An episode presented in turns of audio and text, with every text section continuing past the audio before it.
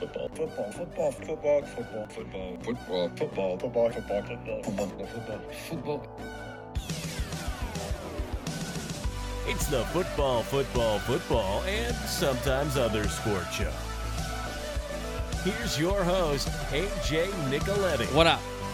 FFFSOSS.com at FFFSOSS. Twitter, Instagram, Twitch.tv slash AJ3. What's good? Uh, fresh off the week off.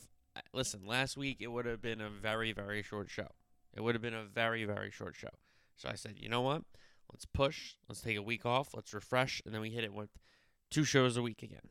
So that's what the plan was, and that's what we're doing. So we're back to a week, released on Tuesday and Thursday uh, ahead of the EPL season starting. So we'll do an EPL season preview in this pod. That will take up the kickoff. So a Premier League season preview and predictions. Then we'll do some soccer transfer rumors and some NFL headlines. That's what's on the schedule for this pod. We'll talk about the schedule going forward because this is the EPL preview show, and we'll have match day one preview on Thursday's show. And then it's about college football and NFL to look forward to because the college football over under show will be Thursday, August 25th. College football preview will be the Tuesday show, August 30th, and then week one preview that Thursday, September 1st. So that's the college football schedule. NFL over unders will be that same show. So college football week one preview and NFL over unders will both be that Thursday, September 1 show.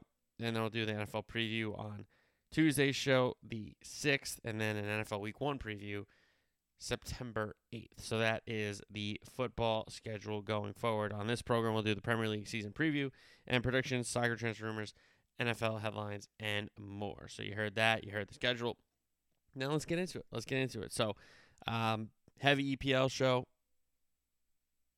Uh, this this pod.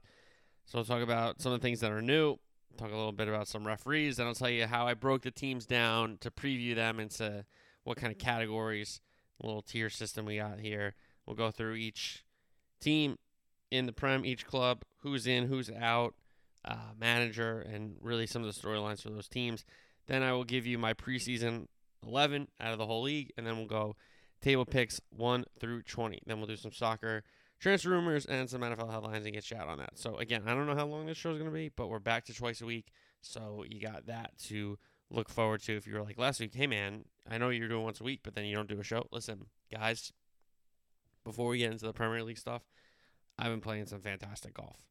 Okay, I shot my lowest round ever in 82 last week, um, and I'm feeling it.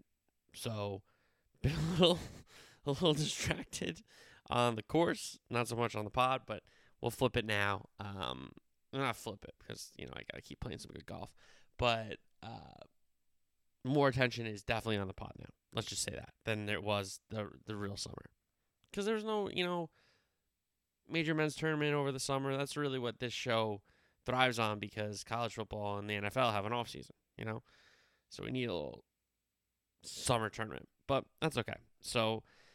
Premier League season preview and production, soccer transfer rumors, NFL headlines. That's what's on the show. So let's kick it off with this EPL preview.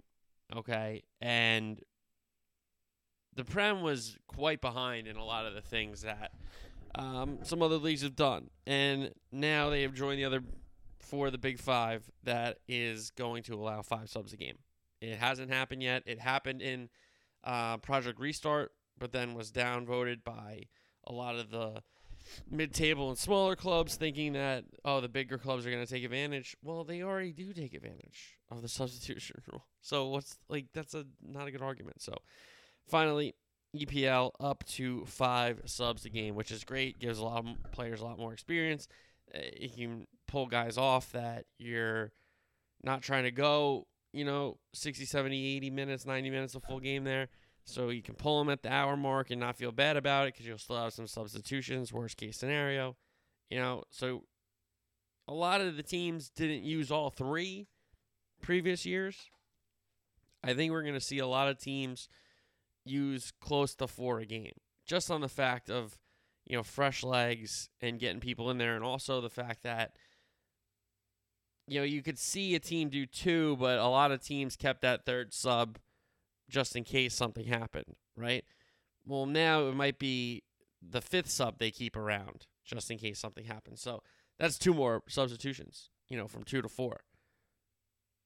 Because they'll keep the they kept the third one, they'll probably keep the fifth one going forward. But um, I don't think it helps the big clubs as much as everybody thinks it will. But that's just my take, I guess. All right, the three teams coming up. Fulham has yo-yoed up and down from the Prem to the championship and back. They're back again. They were in the Prem 20 to 21. Bournemouth back up after a couple years in the championship. Last appearance was the 1920 season. And then Nottingham Forest up since the first time since sorry 1998-99 season. So the trees are up, which is great. An all-time club if you're familiar with um, the history of English football, Nottingham Forest, you know, um, Villa, you know, some of these other teams, like, there have been some classic teams that have done well in Europe and, and won. And um, unfortunately, they went down to different leagues and now they're back. So it's great. Great to see. Uh, Leeds is like that as well. So some of these clubs that are historical in the country are finally back in the top division, which is really, really good. So Fulham, Bournemouth, and Nottingham Forest are coming up from the championship. World Cup mid-season break is going to be from November 13th until Boxing Day, the day after Christmas, the 26th of December. So it, it's going to be very weird. It's a long break. Um, there have been weeks at a time, or a co- you know, a couple weeks at a time breaks, or but there hasn't been a major tournament scheduled like this in the middle of the season in a long time. Yeah, you can talk about the African Cup of Nations, but that doesn't affect um, as many teams as a World Cup would, right? So that's when the break will start, November 13th until the 26th of December there. So we'll have no Premier League matches in that time for the World Cup. All right, ref stuff. Mike Dean, who was honestly one of my favorite refs, and not just because he was like a meme, but because I thought he was actually a pretty good ref. And yeah, he would get into, um, you know, maybe a little yellow card, uh, trigger happy, but I thought he was a, a good ref, to be honest with you. John Moss and Atkinson, not so much, but they all three of those have retired from refereeing after last season. Mike Dean's going to join Lee Mason as a dedicated VAR. Kevin Friend is going to be the manager of the Select Two, uh, Select Group Two officials, which work in the championship and, and other leagues there. Um, Moss is going to be the manager of the Group One officials, and Atkinson is going to be a referee coach for um, both groups. So then we have four refs coming up, three assistant, one match official. So that's the story with the refereeing, and hopefully, you know, with some more new refs that are more, mm, I don't want to say tech savvy, but more friendly with the technology, will go to the monitors more and more in the Premier League because that's I really just, you know, I want them to get calls right for sure. That's really what we're talking about when we talk about the use of technology and um, all the you know the the systems in place and the rules in place to get calls right and stuff like that. We just want to get the calls right. And I think if more refs went to the monitor instead of just listening to the earpiece, you know, to either confirm their decision or get another look at a decision, I think that's the that would be best for everyone. So, all right, enough about the refs. And also, I did find that the PGMOL has a Twitter. The the professional game match officials is that what it is? I forget what it's called. What's the acronym? But I did find it. So they will be getting some tweets from me. and I found it. I found you. I found you. All right. Um, so let's talk about these clubs now. And the tiers that I have these clubs ranked in are as follows. The top tier is title contenders. And I only think there's two clubs there. Then we have the top four race. Then we have the Europa League race. Then we have top half kind of slash safe, top half contenders slash safe.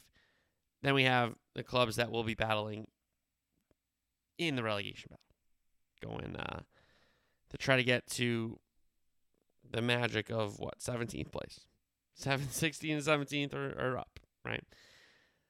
All right. So let's start with the title contenders. And I was leaning towards adding a Chelsea or maybe adding a Tottenham, but I just think Manchester City and Liverpool are still, you know, distance ahead of any other kind of contenders and challengers, as I should say. So City and Liverpool highlight the title contenders for me. The only two clubs that I think can and will win the title. Yeah, it would be a, great season for Chelsea. It would be a, a historical season for Tottenham with Conte. Arsenal would have an unbelievable run if they get Ten Hag. If Man U could jump back on the perch year one, there are some really cool stories with some of the other big six clubs. But for me, it's down to the two, and it's City and Liverpool. So let's start with last year's champions, Pep Guardiola's Manchester City, who call the Etihad home. Fernandinho out, Raheem Sterling sold, Gabby Jesus sold, Zinchenko sold, coming in, Erling Haaland, uh, Kalvin Phillips from Leeds, and this kid Alvarez, this Argentinian kid that they really like. So City is going for five out of the last six prems. Pep finally has his number nine in Erling Haaland, who is going to get a lot, a lot of goals just because they haven't had a guy that could head the ball in at the number nine role as as effectively as he can, or as big, as strong, as fast as he's been. They haven't had that kind of guy to play in that position, and now. You know, he doesn't have to play Foden at a position, even though Foden wasn't playing a bad false nine. You know, he doesn't have to play Raheem Sterling at a position as the striker. He doesn't have to try to trust Gabby Jesus for an extended period amount of time. So Pep solved a lot of the issues that he's had with bringing in Erling Haaland, and we know that yes, winning the Prem for them is a great accomplishment, but they want to win Champions League. So I personally think that everything in their power this season is going to go towards winning Champions League. But that doesn't mean they're just going to let Liverpool or somebody else run away with the league. So I do believe that Haaland's going to play a ton of Prem games, but I do think that he will be sitting uh, ahead of some Champions League games. So we'll see what that happens. But uh, Haaland, he's going to come in. He's going to score a ton of goals. He's going to be a, a unbelievable talent because he just is that way. And Pep to have this guy at his prime here, you know, ahead of his prime into his prime. I mean, this is a really, really scary scene for the rest of the league because this guy is sick, Haaland. Grealish and Foden, most likely on the left. He's got Mahrez on the right. This kid Alvarez is kind of like a floater. So will he be uh, disciplined enough to stay on a wing or stay out wide, depending on where Pep is going to play him? Grealish is going to have to step up this season. I think he didn't have the season he wanted to last year as an individual. Yes, they won the league, and he did have some impactful moments for sure. But I don't think over the course of the whole campaign he would say he had a great season individually. I don't think he would say that. Foden, great player. You know how much I think he's a, a brilliant, brilliant player on the ball. And Mahrez, they they decided to keep him over Sane. I think Sane is a little better for my money, but Mahrez is a great, great player. And again, this Alvarez, where does he fit in in a Pep structured system?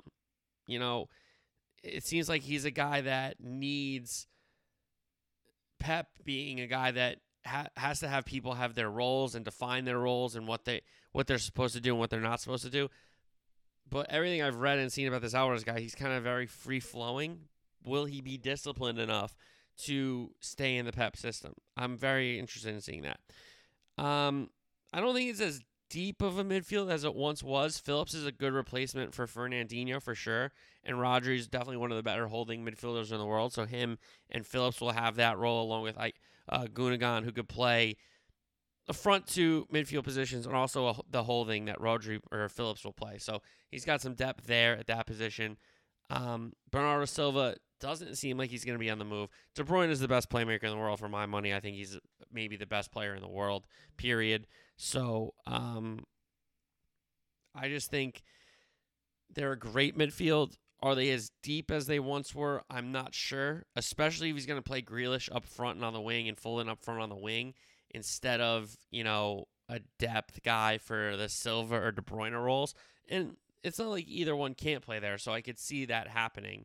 You know, maybe he puts Haaland, Alvarez, and Mahrez up top, and he gives De Bruyne a game off, and he goes Silva, you know, Foden or Foden Grealish there uh, in front of whoever the holding is. So it's a great midfield still, but I don't think it's as deep as it was. If they get an injury in the midfield, they might have to go get a guy in January. Is my point, unless they have a youth guy. They do have a, a youth, uh, a young left back that that Pep likes that he's been uh, given some time to in these friendlies, because they do want uh, Cucurella from Brighton. Uh, he handed in a transfer request, but apparently City and Brighton are very far apart on what they're looking at there. So we turn to the, the defense when we talk about Cucurella. Diaz and who at center back. Um, Diaz is a brilliant, brilliant player. He's come in and really anchored a back line that was good and, and wasn't really allowing a ton of goals anyway, but he's really helped shut the door and, and establish that defensive presence that Pep needs on that back line, that leadership. So Diaz and who? Is it Stones? Is it Laporte? Is it Nathan Ake, who could have been on the move for uh, more starts and more minutes, but it seems like he's going to stick around and maybe be that fourth center back. But what is the pecking order to go with Diaz? Is it Stones if he's healthy? What about Laporte, who had a pretty good end to last campaign, if I'm not mistaken? And then Ake stuck around for a reason you know, probably not to be the fourth choice if he could go start somewhere else, right? Walker and Cancelo as the fullbacks. Cancelo can play either one, which is makes him very versatile, but Kyle Walker's getting a little older and hasn't I don't want to say he lost a step, but at some point he's not going to be as fast as he was and and do the things that he could also do uh, previous seasons. Ederson's a very strong keeper. We know that. Um, Steffen got loaned out. They brought somebody else in to be the backup as well.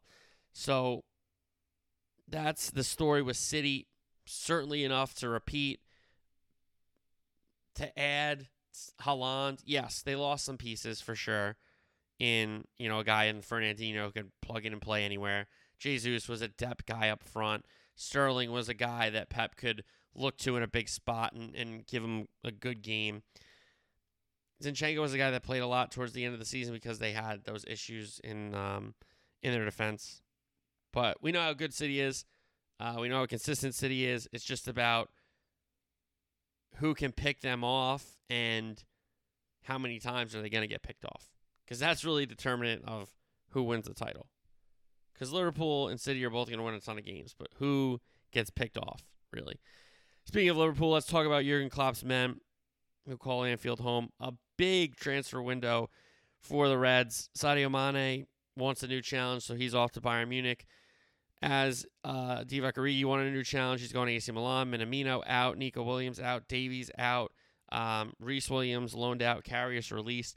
In comes Darwin Nunez from Benfica, uh, Fabio Carvalho from Fulham, and Calvin Ramsey will be the deputy right back, most likely for Trent Alexander Arnold in from Aberdeen. So some signings there for Liverpool.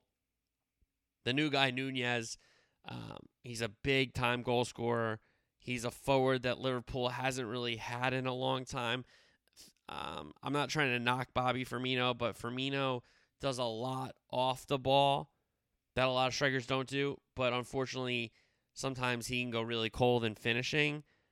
But it's been fortunate for Bobby that he's had a Sadio Mane, that he's had a Mohamed to his um, left and right, respectively, whereas he didn't have to score every game as a number nine out and out striker. You know, he could press and win the ball back and drop into the midfield to receive it, to play it to the wingers.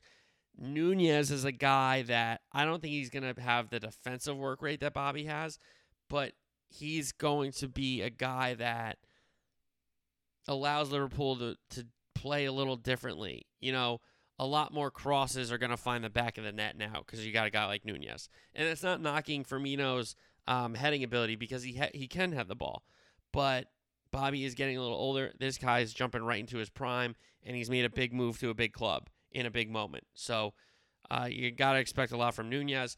Speaking of Mohamed Salah, new contract looks like all smiles. He's he didn't want to leave Liverpool. Liverpool is where he wanted to be, and he has this new contract. Huge, huge signing for Liverpool and to keep Mohamed Salah under contract, and he looks much, much happier. Um, I think he's wearing like a watch or maybe like a whoop on his wrist. He's I've never seen him do that, so kind of interesting. Anyway, when you look at the midfield, you look at a midfield that's very good, but getting a little older. In the likes of um, Fabinho is still late twenties, but Jordan Henderson's getting a little older. Thiago's getting a little older. James Milner is you know getting a little older. So a lot of this midfield, one is going to be dependent on Naby Keita to step up in a contract season. Unfortunately, Alexander Oxlade Chamberlain picked up a big injury, um, and it's just it's just been a snake bitten time at Liverpool for Ox. You know, he gets healthy, he gets fit, and he's starting to play some games, and then he picks up a knock and has a setback. So it's unfortunate for Ox. Naby Keita is in a contract year, like I said, and there's three young guys in the midfield that are going to have to step up and have big roles in Curtis Jones, Fabio Carvalho, and Harvey Elliott. So Elliott and Carvalho played together at Fulham when Elliott was on loan um, a few seasons ago there. So they got a little bit of a connection there. But Liverpool are going to ask Carvalho to step up. They're going to ask Harvey Elliott to step up. And they're certainly going to ask the Scouser Curtis Jones to step up and take on some bigger minutes and roles and matches in that midfield. So we'll see there. And obviously, a strong defense, you know, anchored by Virgil van Dijk, who I think is the best center back in the world. To his left is Andy Robertson, who's, if not the, the best, one of the best left backs in the world. All the way to the right is Trent Alexander Arnold. You know how much I love Trent. Um, I think he's the best right back in the world. Yes. Is he the most um, is he the best defensive right back in the world? No. But what he provides going forward makes up for some of that. And he is a pretty good defender in his own right. Is he the best one? No. But he's a pretty good defender in his own right. Similar to City, with who is Diaz's best partner, who is Virgil van Dijk's best partner. Matip is trust tried and trusted and true. Konate is kind of the new kid on the block that had some big moments and some big matches at the end of last season. And Joe Gomez is a guy who, yeah, plays a little right back, plays a little center back, but, you know, at the start of 1920, before Joe got hurt, he was the guy at center back with Verge. So he's going to be trying to fight back to get his spot back. A very, very strong defense. Tsimikas, the depth at left back. It's going to be interesting to see Calvin Ramsey step in as depth at right back. Um, but a very strong defense, nonetheless, for Liverpool, in my opinion. And then Alisson, the best keeper in the world. Alisson and Ederson, two of the best keepers in the world. I think it's 1 2, in my opinion. I think Neuer is still a great player, but I think Ederson's passed him and Alisson's one for me. So that's who I have in the title contender category City and Liverpool. Let's go to the top four race Chelsea, Thomas Tuchel. They play at the bridge. We know that. Lukaku, a flop.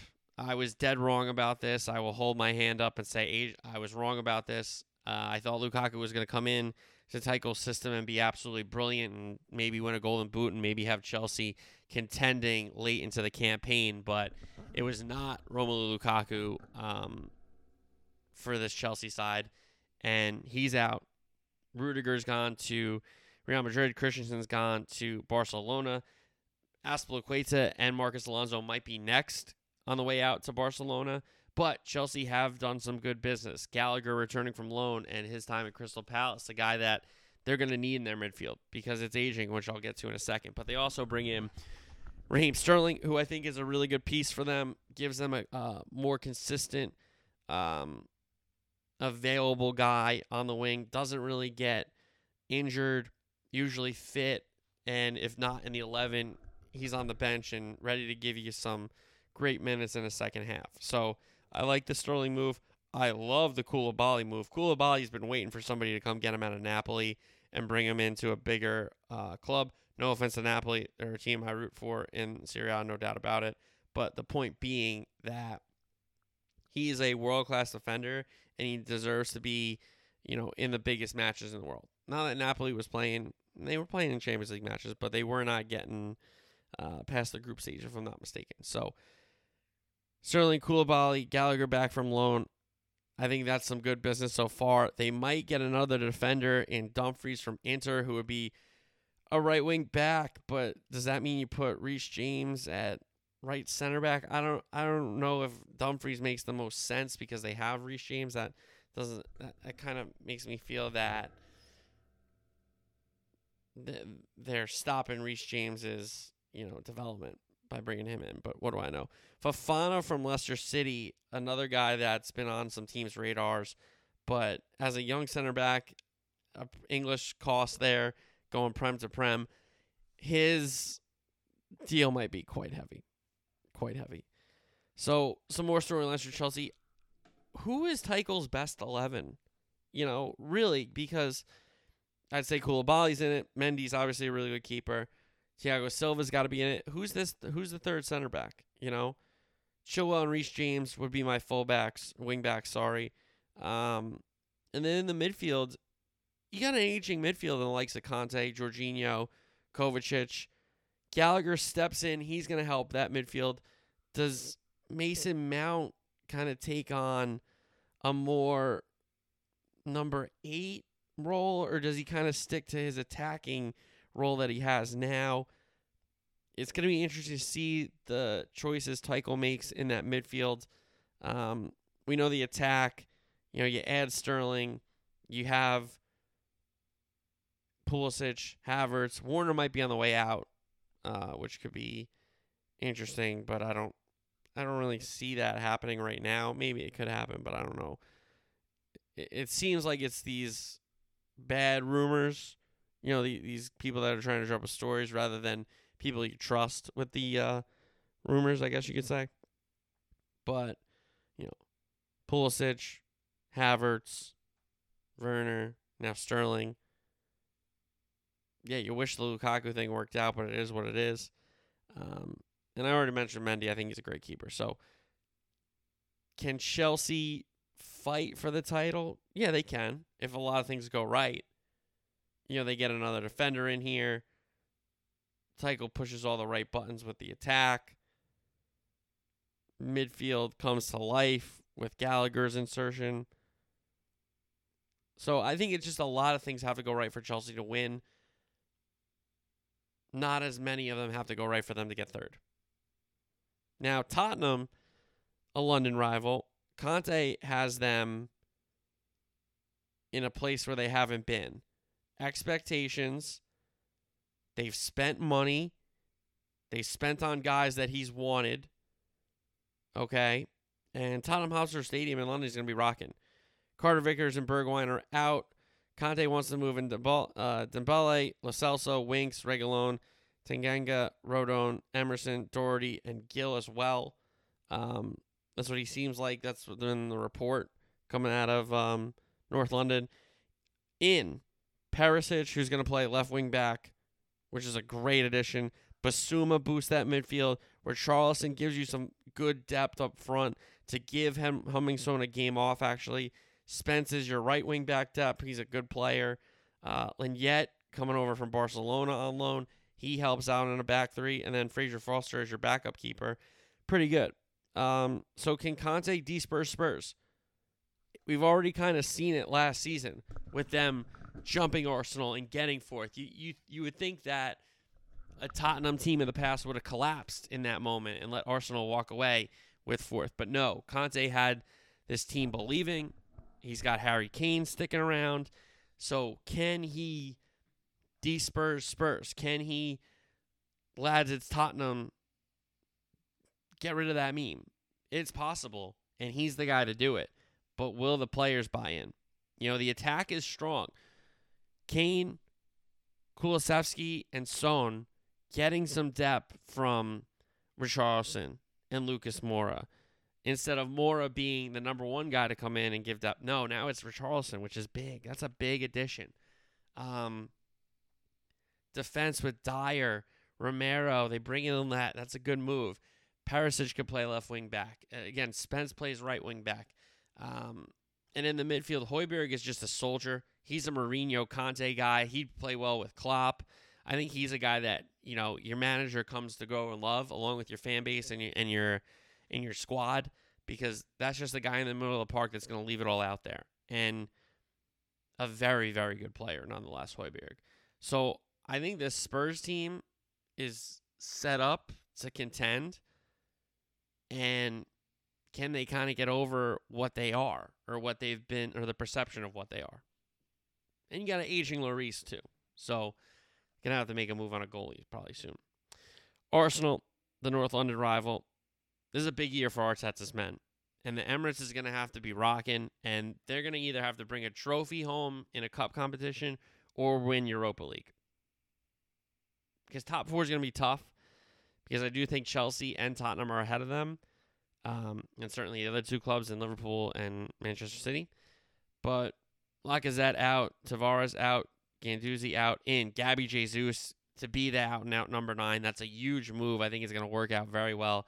Zinchenko is going to come in, help out at left back because Kieran Tierney, unfortunately, cannot be um, depended on. He's just not fit enough. He's a great player. He's one of my favorite left backs, but he's just never fit. He's never fit. So Zinchenko helps out. Uh, Vieira is going to help out in the midfield. Turner's going to be a backup keeper for Ramsdale, and they took a flyer on a kid, Marquinhos, not the one from uh, PSG, the defender. So they named Martin Odegaard the captain, which makes me think he's ahead of Smith Rowe in that little midfield position. Um, and Arsenal really has to kick off this year. They have the young attack: Odegaard, Smith Rowe, Martinelli, Saka. Now Gabby Jesus gets added to that. They kept Nketiah to be that backup striker. So they have a young attack. In the midfield, I think they got to step up. Whether it's Partey, whether it's Xhaka, whether it's Elneny, whoever is in that midfield has to step up and play big minutes and be a big time player um, for Arteta. Um, and the defense, same kind of thing. They have to step up and stay fit. Tomiyasu came in and was really good at right back, got injured. Kieran Tierney, such a good left back, always gets injured. You know, center back, they had some good center backs, and then they get hurt, and now you have Rob Holding gets sent off against Heung-min Son in Tottenham. You know, because he can't, he's playing stupid. So Arsenal have to get over giving away stupid red cards and going down 10 men. They have to feed that young attack and play solid at the back. And they can contend for top four and they can get in top four. There's no doubt in my mind. Right now, I just have the other two London clubs ahead of them. So the three London clubs in tier two, the top four race. Let's talk about the Europa League race. It starts with Man U.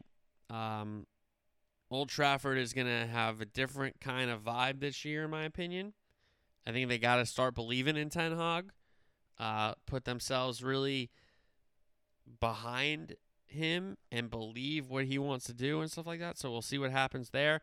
Pogba, Mata, Lingard, Cavani, Matic, Pereira, Henderson on loan, but they're all out. In comes Christian Eriksen, uh, Lisandro Martinez from Ajax, and uh, Malacia, Charles Malacia. The new manager, it has to be a new identity, a new era. Who's going to step up? And that is the number one storyline. And then I think Cristiano Ronaldo, if that's 1A, Ronaldo's 1B, if not 1A, and flip those. Because Ronaldo in this team gives this team a veteran presence, gives this team an out and out goal scorer up top, and I think helps this team win games and win matches and get three points and, and fight in Europa League and do all. Now, is does he want is he gonna want to do all that? I think that's what the crux of this issue is. They did not qualify for Champions League. He wants to keep chasing Champions League records, even if they get knocked out in group. He still wants to chase Champions League records, right? They're not in Champions League. I think it's very it's going to be very difficult for them to get into Champions League next year by getting top four here or winning Europa League. I think it's going to be very difficult for Man U. But I can see why United wants to keep him around because he is their number one out and out goal threat right now, no doubt about it. But I understand why Ronaldo would want to bounce. Hey, you know, I'm getting older. I can still win things, but I can't be here for um, a rebuild. And I get where he's coming from. I also get where the club's coming from saying, hey, you signed a contract. We're not selling you. We're not doing this again. Okay. Um, but who else is going to step up? Who is it going to be on the back line? You know, Dalot is getting a lot of minutes. You know, is he the guy at fullback? Who's is Harry Maguire even a starting? Is he the first choice anymore? You know, who's in the midfield? Are they going to play one holding and Eriksen and Bruno together? Where does Sancho fit in? If Ronaldo's not the striker, who is? Does Rashford get a chance again? You know, what about Anthony Martial? What's his deal? So there's a lot more questions than answers with United, and I think that's their problem, and I don't think that's why they will be in a you know top five, top six finish, maybe sixth, but I don't think fifth. I don't think fifth, and I don't. You know what? I don't think sixth either. I'll say it. I'll say it. I will say it. Um, West Ham, David Moyes has done a really, really good job at the London Stadium with the Hammers. Mark Noble's retired. Yarmolenko moved on. In comes Kamakia, Scamacca, which who is a big, big, big Italian prospect to play up top. Uh, Aguerd and Areola also come in.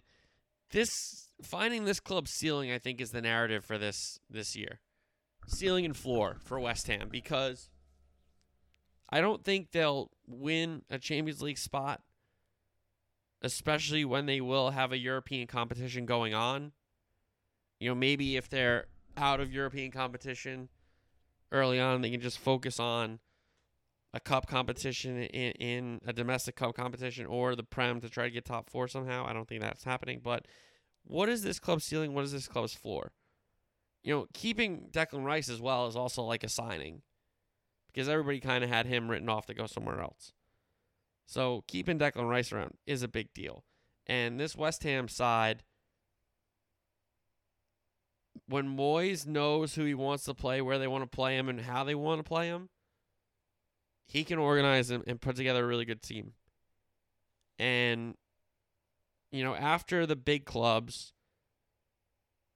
and not at the bottom, there's a lot of teams in between that are fighting for these finishes. And West Ham is certainly a side that in these games where it's, you know, West Ham Brighton or West Ham Wolves, West Ham, um, I don't know, take your pick. Newcastle, West Ham, Leicester, West Ham Villa. You know, West Ham's a favorite in a lot of those, to be honest with you. So, what's that club's ceiling? What's that club's floor? Newcastle is a side that I think is going to get a Europa spot. Uh, Eddie Howe has come in with the Saudis and done a really good job. Nothing. I'm not talking about the Saudis. I'm talking about Eddie Howe. You know, St. James Park was rocking. Gr- was a great, great signing. No real guys going out, but they get Targett on uh, a permanent move. They get Botman to help out at center back. They get Pope to come in and um, be the number one over Dubravka, I think. But there's big expectations on this Newcastle team. Um, and they have no European duties. So all focus should be on either Carabao Cup, FA Cup trophy, or a good finish in the league. I think Newcastle is set up to finish high in the Prem. Or at least get a, a cup trophy, or at least find their way to Wembley in a final the no European duty thing for a team that's on the come up and has expectations, that really helps. Um, because you don't have to worry about playing Thursday, Sunday every week. That's a big deal. All right. Next category, next tier. Top half teams. Leicester City's here. Leicester City's not in the Europa conversation for me because Brendan Rodgers has not been helped out. You know, the KP has not I don't think it's going to be as rocking as it once was. Lookman on the way out, Payet on the way in. So really just a few moves, not many, you know, big time moves and it's the big time moves that could be made are guys on the way out. You know, a James Maddison on the way out, a Kasper Schmeichel on the way out, a Youri Tielemans on the way out. So the fact that the Foxes haven't moved on from these guys yet, you know, I saw a rumor for a Maddison deal. I saw a rumor for a Kasper Schmeichel deal. So I didn't see anything confirmed yet as I record this show. But Maddison, Schmeichel, and Tielemans, kind of similar to West Ham keeping Declan Rice. If they can, if the Foxes can keep those guys, that's basically like signings because those guys are not supposed to be on these teams anymore. Um, so are those three going to stick around? How far is this manager taking? Uh, has he taken the Foxes as far as they can go? You know, a Champions League appearance after they won the league, were not able to stay up. They've had opportunities, not last year, but the two seasons prior, to finish in the top four, and then went to the last eight both times, and they didn't do it. Jamie Vardy's getting older. You got an aging squad, to say the least. Um, so that's the deal with Leicester City. How about Aston Villa? Stevie G's side. Villa Park has a lot to be excited for. Targett and Trezeguet out. Coutinho permanently in. Kamara is going to help out in that holding role. Diego Carlos can help out up front. Augustinsson, or Diego Carlos is uh, a center back. My apologies. Augustinsson is going to help out on the wing. Steven Gerrard has to sort out Villa's best 11 in their style. You know, Leon Bailey, Ings, Watkins, um, Coutinho. He's got some guys up front, and he's got to, you know, put the pieces together of who plays best with who, um, who complements who the most, and that takes some time to figure out, especially as a young manager, um, who's only had a second job. So Villa have to sort out their best 11, their best formation, and their style of play. How about Wolves, Bruno Lage, the Molineux with their light show? Saiss, Silva, Hoever out, Hwang in on a uh, permanent move, Collins as well. Good finishes for Wolves historically since they've come up, but it's a different team now. Again, a side that's kept one of their guys that everyone thought was on the way out in Ruben Neves in the midfield. Now, for Wolves, they need a healthy Raul Jimenez. They need Nev uh Raul yeah, Raul Jimenez. They need Neves to stick around and be in the heartbeat in the middle of the park there. So they have some questions as well. And are they good enough to finish top half? If they're healthy and they're consistent and they play well at home, yes. If there's injuries, I'd say no. Again, good finishes, but it's almost completely changed over since then, including manager and keeper. How about Brighton? Graham Potter's had some really good finishes with the Seagulls. Um, a lot of teams have gone down to the Amex expecting to take a point back to where they came from, and they get none. You know, and some teams try to go down and get three and get none.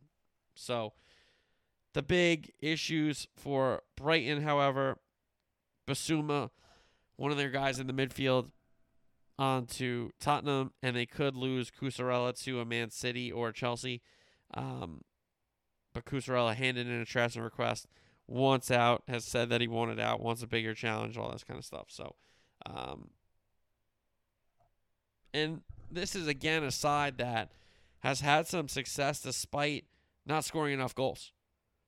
Um, and it's a side that, you know, with Maupay and Gross, they have some guys that can score, and they have guys up front. Danny Welbeck scored a bunch of goals for them as well. So it's not like they they're not lacking. Yeah, they're lacking a big time striker for sure. Don't get me wrong, but they play a very solid brand. They play to what the manager wants them to do, and more times than not, they're in the match and they can either steal it or, you know, steal a win from you by getting a draw or steal a draw from you by getting a win. So that's the story with Brighton. How about Crystal Palace? Patrick Vieira, second year at Selhurst Park. Gallagher goes back to Chelsea. They're going to miss him a lot. Um, I know I, have talked about Ezier and, and Olise in the midfield and some of these other young guys in that youth movement that Crystal Palace have gone under. But Gallagher was a guy that they're going to miss. Um, he was a he's a special special player for them, and his loan's expired, and now he's going back to Chelsea. So unfortunate for that. But they bring in Richards, who's going to help play center back. Doucouré is going to help in the midfield, and it's a youth movement under Vieira. And let's see with development with um, with um, you know more matches played as as young guys who comes out of that. So Crystal Palace could be a top half contender. Brentford, I think, is a top half contender, and I think they're safe, but I think it's gonna be staying up is gonna be tough, and staying out of the relegation battle is gonna be tough. They really didn't add a ton. Yes, they got Ben Mee from uh, relegated Burnley, which is a good add for their back line, and Hickey is a good player as well. Um, but Thomas Frank is gonna have to do a lot in home games at the community stadium, like he did previously in the campaign. Um, but staying up is going to be tough. They got off to a really good start. Uh, that helped them a ton in you know staying out of the relegation battle from the beginning of the season on. But towards the end of the season, as some teams found their legs and got better, Brentford got a little tired. So should be ahead of the relegation battle, but they could be involved. Now, speaking of the relegation battle, our final tier here, I put Leeds here just because they were involved last year. Um, I think Jesse Marsch can keep uh, Premier League football at Elland Road, but it's going to take a lot. Uh, Raphinha and Kalvin Phillips replacing those guys is tough, but they bring in two Americans and Tyler Adams, who I think is a great like for like replacement of Phillips. And Aaronson isn't really Raphinha, but Aaronson's a pretty good player up front. And uh, Sinisterra also can play the wing. So Leeds have made some moves. It seems like they're going to be able to keep Jack Harrison as well, which would be a really, really big move to keep him around. Big losses, but some good additions. If Bamford's fit, if Harrison's fit, if the two young guys, Americans, are fit, you know, Dallas, Ayling, Meslier's got to play better. He allowed too many howlers for my liking last season but Leeds are certainly a side that don't have to be in this relegation battle. Like I'm just putting them here because they were kind of in it last year. I don't think they're going to get relegated, but I just wasn't 100% sure and safe with putting them in the safe category. So that's Leeds. How about Southampton? Hasenhüttl's had a he's got a job to do here at St. Mary's. Uh, Broja back out um, to Chelsea after his loan. This could be a really tough season for the Saints. Um, you know, from two seasons ago. They were really buzzing under Hasenhüttl, and they really haven't buzzed since. Yes, they've had some good results here and there. Yes, he's kind of kept them out of the relegation battle, but I think this is the year where the Saints go down. They really haven't added anybody. They really haven't helped the manager out, and they're a team from match day one that's going to have to struggle for results. There's not going to be a lot of results given to them. So it could be a tough season for the Saints. Everton, I don't think will get relegated, but I have them on the list. They have to be here because they fought till the very end last uh, campaign. Lampard has to do a better job with man management, has to do a better job in picking his 11, has to do a better job with talking about discipline at Goodison Park. Richarlison out. Uh, they lo- they lost a lot of um, depth guys as well. You know, Gylfi Sigurdsson. In comes Tarkowski and McNeil from relegated sides. They'll help them out. We know they flirted with relegation last year. Can Lampard keep them out of this battle? I think it's possible, but they're going to have to get off to good starts. And listen, Dominic Calvert Lewin's a really good striker, but he's another guy that's never fit. You know, he's never fit. He'll come out, start the season, score, you know, five goals in the first eight games, hurt himself. You won't see him until March.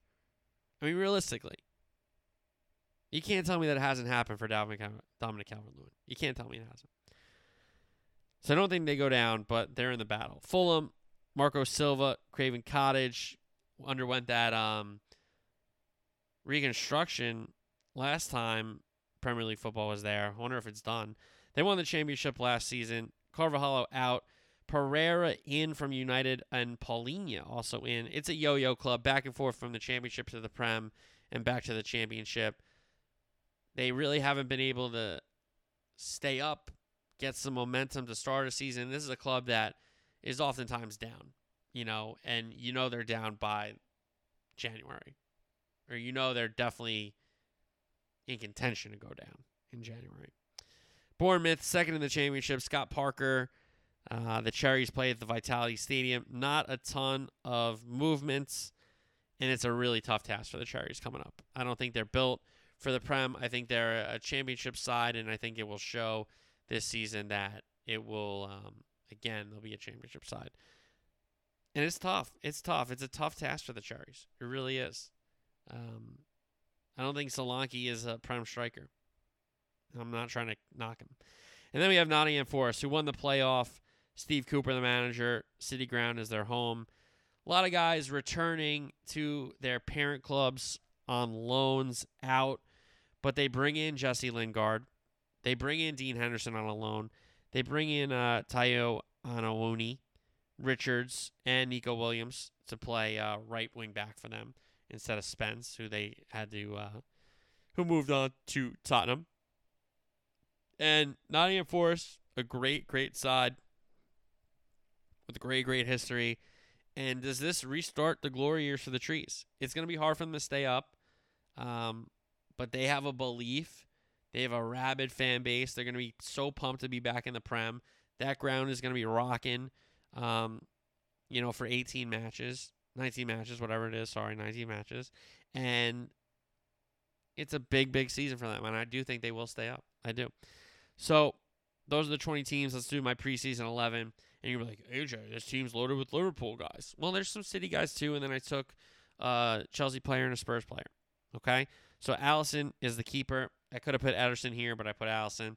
Trent, Van Dijk, Diaz, and Robertson is my back line. Fabinho, De Bruyne, and Mason Mount is my midfield. And then up top, Mo Salah, Erling Haaland, and Heung-min I could have put Kane. I went with Haaland. I just I'm just telling you what I did. Okay. And you say, well, AJ, you're so Liverpool biased. I'm admitting that I think those guys are better. I can understand where you would object, and I would gladly hear that debate and hear your argument, and we can have a, a fair discussion. How about that? All right, so table picks. That being said, Liverpool's winning the league. Liverpool, the last time they lost the league by a point, they came back and won the league. Okay, last time we went to a final day there, they won the league.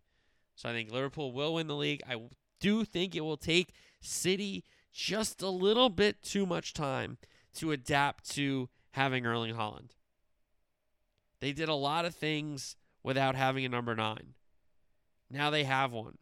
So times where they wouldn't even think to cross the ball in, and they won't, he's gonna be like, "Hey, like, why don't you cross that ball?" I think it's gonna take a little bit more time than a lot of people think.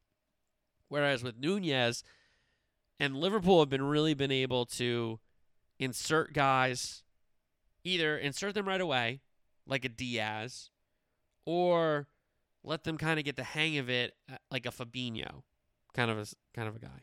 You know, Van Dijk came in right away. Diaz came in right away. Fabinho took a little time to understand the system, right? I think Nunez is a guy that comes in right away, helps out. Diaz was brilliant. You know, and Jota's kind of banged up, so we'll see him being, you know, the fifth guy, how that motivates him, or the fourth guy, whatever kind of one way you want to mark it up there. So I have Liverpool first, Man City second, City third, Tottenham fourth. That's what I think the top four will be. Chelsea are a very good side with a really good manager, as are Tottenham. But I do think it's going to take some time for Tottenham to exercise all the demons and compete for a championship, the number one spot. I have Arsenal fifth. I think Arsenal are just slated to get fifth this season. I have Newcastle sixth. I think Newcastle, again, without European competition, they jump a Man U who's going to have to battle a lot of things. A new manager, Ronaldo, Europa League, um, impatience from the fans. Man U's got a lot to deal with, whereas Newcastle doesn't. I think Newcastle jumps them, gets sixth. United gets seventh. West Ham eighth. I think Villa slips into ninth. I think Leicester City uh, finishes tenth. So that's the top half. Then we have Brighton in eleventh. I think Crystal Palace has a pretty good season to get to twelfth. Leeds in thirteenth. Wolves in fourteenth. Nottingham stays up in fifteenth, as is Brentford in sixteenth. I have Everton in seventeenth, just hanging on. and then going down Southampton in 18th, Fulham in 19th, and Bournemouth in 20th. So that is our Premier League season preview. I'm picking the Reds to win it all. Um, and you're like, oh, I'm so shocked, AJ, shut up. How about that? All right, let's do some transfer rumors. Laporta, the president of Barca, says the Messi story with Bar- the story with Barca is not done. They owe it to Lionel Messi to go get him and go finish the story right. So we'll see what happens there. Jules Koundé is going to Barca. Um, it was Chelsea for a while, but Barca have jumped them and taken Jules Koundé, which is awkward because I'm pretty sure he almost fought Jordi Alba last year and threw the ball off his head. So wonder if that's going to get sorted out at camp. Um, Tanganga is going to go to Milan. Uh, Mukiele is going to go to PSG, even though Chelsea tried to hijack that deal. Werner, I alluded to this when we talked about Chelsea, could be sold to make some room. He's on Juve's list. Also, Juve wants to move Arthur, Ramsey, and Rabiot. All right, NFL headlines. Deshaun Watson gets a six game suspension. Um, I'm not going to say much about this. I just think it's crazy. Um, they're saying the lack of evidence. Listen, Calvin Ridley, and again, you know, I talked about this with some other suspensions and Ray Rice and Brady and all those suspensions, right? You couldn't compare them. Well, the only thing you can compare is games. You can't compare the acts, but you can compare how the league views certain issues with the games that they respond with. So Calvin Ridley gets a year for gambling parlays on his teammates succeeding, him and his teammates succeeding. He gets a year without pay, and Watson, whose contract built in all these things about suspension and money and all that stuff, he only gets six games. Like 25 accusers. Zeke had one faulty report. Zeke gets six. Really gets a season. You know, it's just it just shows how bad the NFL is with the CBA and the language and all this stuff. So a six game suspension for Deshaun Watson. Um, I don't know. I don't know what to tell you. I think it's just a joke. I think it's a joke. I think it should have been a year. I think it should have been a year. Then they would have uh, appealed it, put it down to half a year at least. You know, nine games, ten games. But six to me is crazy. So Watson, six game suspension. We'll see him in week seven for the Browns. Uh, Kyler Murray and the Cardinals agreed to a five year, 230 uh, million dollar extension. Cost of doing business for a star quarterback. The storyline gets leaked of him having to do independent film study, which was really weird. Then that gets erased from the contract. So uh, Murray and the Cardinals do agree to that extension that everybody was really talking about the whole year. Now it's kind of Lamar and the Ravens' turn at quarterback, and that extension could be incoming as well before the season starts. So look for that in Baltimore, coming out of Baltimore. Next up, stay with the quarterbacks. Jimmy G. A trade could be on the horizon. The Niners are still looking for the right deal. Giants being um, floated around. And that would be interesting because why wouldn't you have gone for a quarterback last year, you know, during this year's draft, even if you didn't like them? I guess the Giants didn't like any of the quarterbacks. Um, but to go trade for Garoppolo be quite interesting. It'd be quite interesting for the Giants. But the Giants are being floated around as a trade partner for the Niners and Jimmy G. All right, some wide receiver extensions. Deebo Samuel and the Niners do get a deal done. Three for seventy-three and a half. DK Metcalf and the Seahawks, similar deal done. Three for seventy-two. So AJ Brown, Tyreek Hill, Deebo, DK, they all kind of got pretty similar deal, pretty similar money. You know, three years around the seventy. So Deebo, who demanded to be traded, John Lynch and Kyle Shanahan said, "We're not trading you. We're building our offense around you. What the hell are you mean? We're trading you." They get that extension done. DK Metcalf, who a lot of teams were making calls to Seattle about, you know, to, to gauge Seattle's interest on moving him if they weren't going to get a deal done. But it always seemed like they would get a deal done. Now, for DK's mindset, I don't know if he realizes how bad the quarterback situation is in Seattle, what he's going from to what he's going to, but hey, he signed the contract. Bucks news: Julio and Kyle Rudolph going to the Bucks. Gronk saying he's done. They just bring in Kyle Rudolph, another really good tight end, and Julio Jones, who's searching for a Super Bowl and breaking Falcons' hands. Hearts, by the way. Oh my God, the Falcons' Twitter. they are not taking it lightly that Julio Jones is now a Tampa Bay Buck. But it's not all good for the Bucks. Ryan Jensen goes down first day of training camp. The All Pro center. I think he's All Pro. He's a, at least a Pro Bowler but a great center. Uh, serious injury, not going to be back for a long time. I think they're targeting November, December for Jensen to come back. So Brady will have to have somebody step up under center. Uh, Metchie unfortunately got diagnosed with leukemia. John Metchie, the receiver, the rookie receiver out of Bama. I think he's on the Texans. So uh, unfortunate there. And then we had Raheem Mostert got cleared by the Dolphins to, um, by doctors to participate in Dolphins training camp. So that is what we have for the show. That Premier League season preview, which I hopefully you enjoyed if you're a soccer fan. Um, Thursday show we will preview match day one of the EPL. I'll talk about the other leagues as well, but you know it's an EPL Champions League heavy show. Um, just to remind you of the schedule, so we'll do that on Thursday. Then college football previews the over unders will be August 25th, a Thursday show. The college football season preview is August 30th, a Tuesday show. And the college football week one preview is Thursday, September 1st. That same Thursday, September 1st, will also be our NFL under over under show.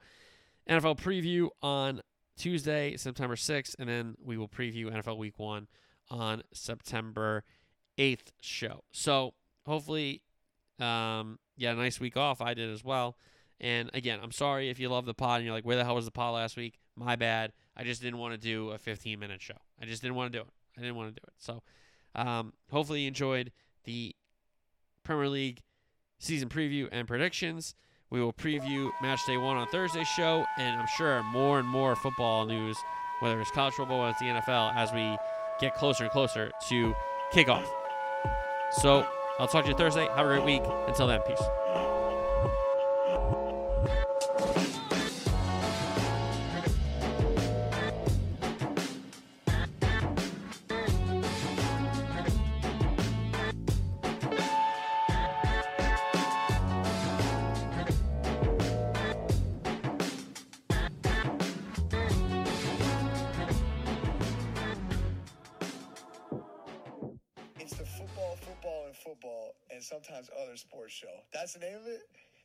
Check out his podcast. That sounds like my kind of podcast. Football, football, football, and sometimes other sports show. Sounds like me.